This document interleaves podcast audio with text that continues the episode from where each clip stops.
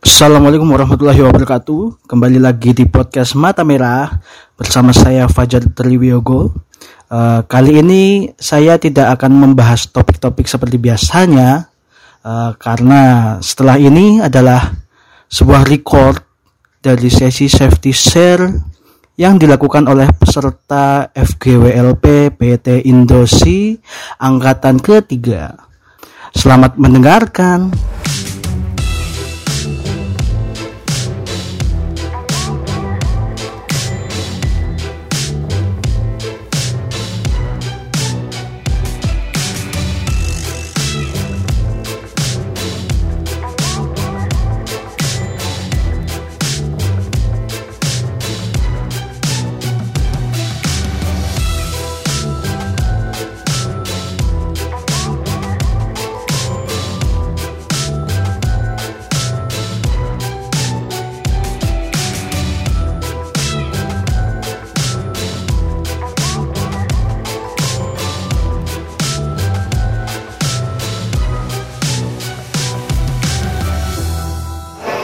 Selamat pagi saudara-saudaraku. Pagi. Pagi saudara. Oke. Kali ini saya akan sharing mengenai bekerja di ketinggian. Oh, enggak, enggak meter. Oke. Udah, udah. Saya, eh, menurut kalian apa sih bekerja di ketinggian itu? Ini udah ada. Selesai. Pertanyaan, pertanyaan. Menurut saya apa? Bekerja di ketinggian. Nah, ketinggian itu apa sih? Ketinggian itu sesuatu yang eh, menyebabkan kita takut. Oke. Ada lagi masukan? Menurut teman-teman? Tingginya di atas 6 meter. Oke, di atas 6 meter bisa. Ada lagi? Ayo dong saudara-saudara. Kita harus aktif. Kita kan diskusi di sini. Gimana? Mas Gibran ada masukan? Mengenai bekerja di ketinggian, entah itu standarnya atau apanya gitu. Oke. Ya, jadi di sini menurut, menurut Permenaker nomor 9 ya. Tadi yang disebutin ada minimal eh enggak, enggak minimal sih 6 meter. Nah, sebenarnya kalau menurut Permenaker eh, minimal ketinggian tuh enggak ada. Jadi ke, apa batas ketinggian tuh ntar jatuhnya di tingkatan resikonya.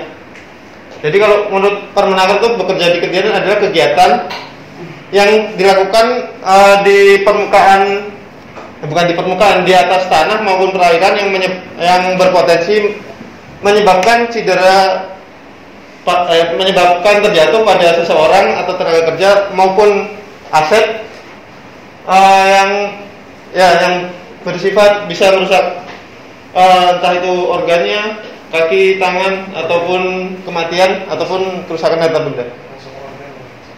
Nah, untuk persiapannya nih, sebagai kita sebagai pengusaha atau pengelola itu apa sih kewajiban kita untuk orang yang melakukan pe- pekerjaan di ketinggian? Menurut kalian itu apa? APD. Ya, APD, bisa. Skap, skap apa? Pengaman scaffolding. Oke, scaffolding. Ini mirip-mirip APD sama scaffolding, ya bisa bisa. Oke, ada lagi? Parasut. Parasut bisa. Kalau kita kerja di pesawat ya. Betul.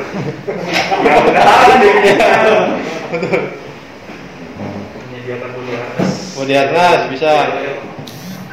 Eh, rekayasa tempat kerja. Ya. Oke, jadi menurut Permenaker itu ada beberapa hal dari yang perlu disiapin dari sisi pengelola atau pengurus. Yang pertama itu perencanaan tempat. Terus ada prosedur kerjanya yang aman dan benar itu apa. Terus tadi ada APD, APD sama apa tadi? Body harness. Ini pre- terus ada satu lagi tenaga kerjanya yang kompeten. Soalnya kenapa? Ada suatu kejadian ini ya mungkin ter- apa pekerjanya kompeten cuma beberapa hal yang di atas tuh mungkin belum disiapkan. Nah, coba slide selanjutnya mas. Nah, ini ini terjadi kemarin sore. Menurut kalian tuh kayak gimana nih? Kemarin sore. Kemarin sore. Ini bener-bener kemarin sore. Coba di. Ah. Oh itu ada. ada ya? Ada. Iya. Nempel aja. Kenapa itu? Kenapa itu? Pertama, ada yang pertama itu why. Ya. Why? Kenapa ini? Menurut kalian kenapa ini orang ini? Karena nggak ada kami di situ. Ada nih? Eh, ada yang tahu itu di mana? Di depan. Ya benar. Depan. Di depan sini dari tadi sore. Ini menurut kalian tuh bahayanya apa aja nih?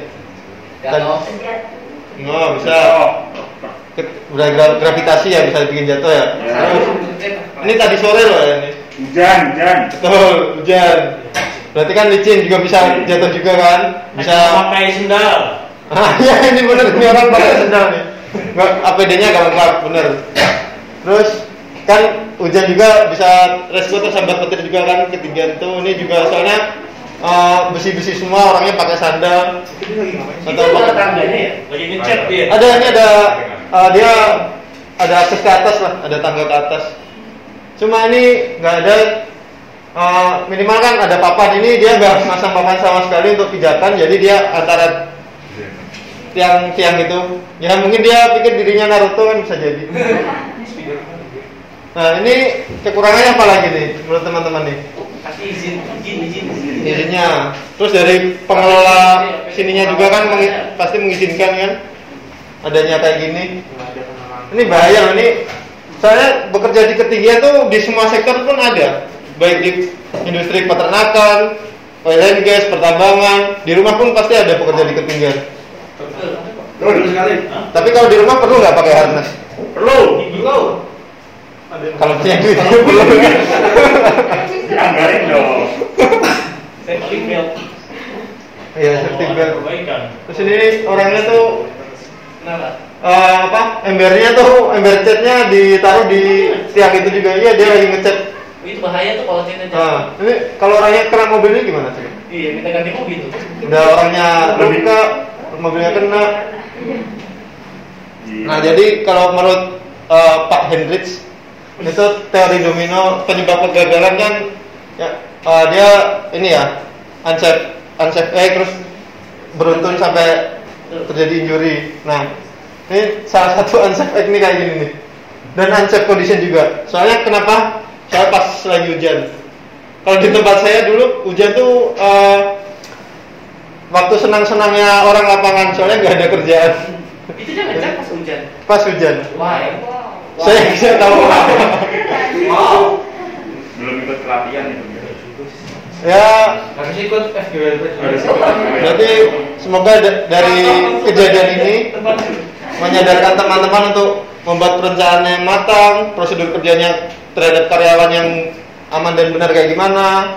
Terus tadi ada persiapan-persiapan APD dan lain-lain. Dan yang tentunya kita harus meng-hire ten- tenaga kerja yang kompeten. Pasti dari FGWSP. Ya dari saya, Assalamualaikum warahmatullahi wabarakatuh. Waalaikumsalam warahmatullahi wabarakatuh. Mantap Saris.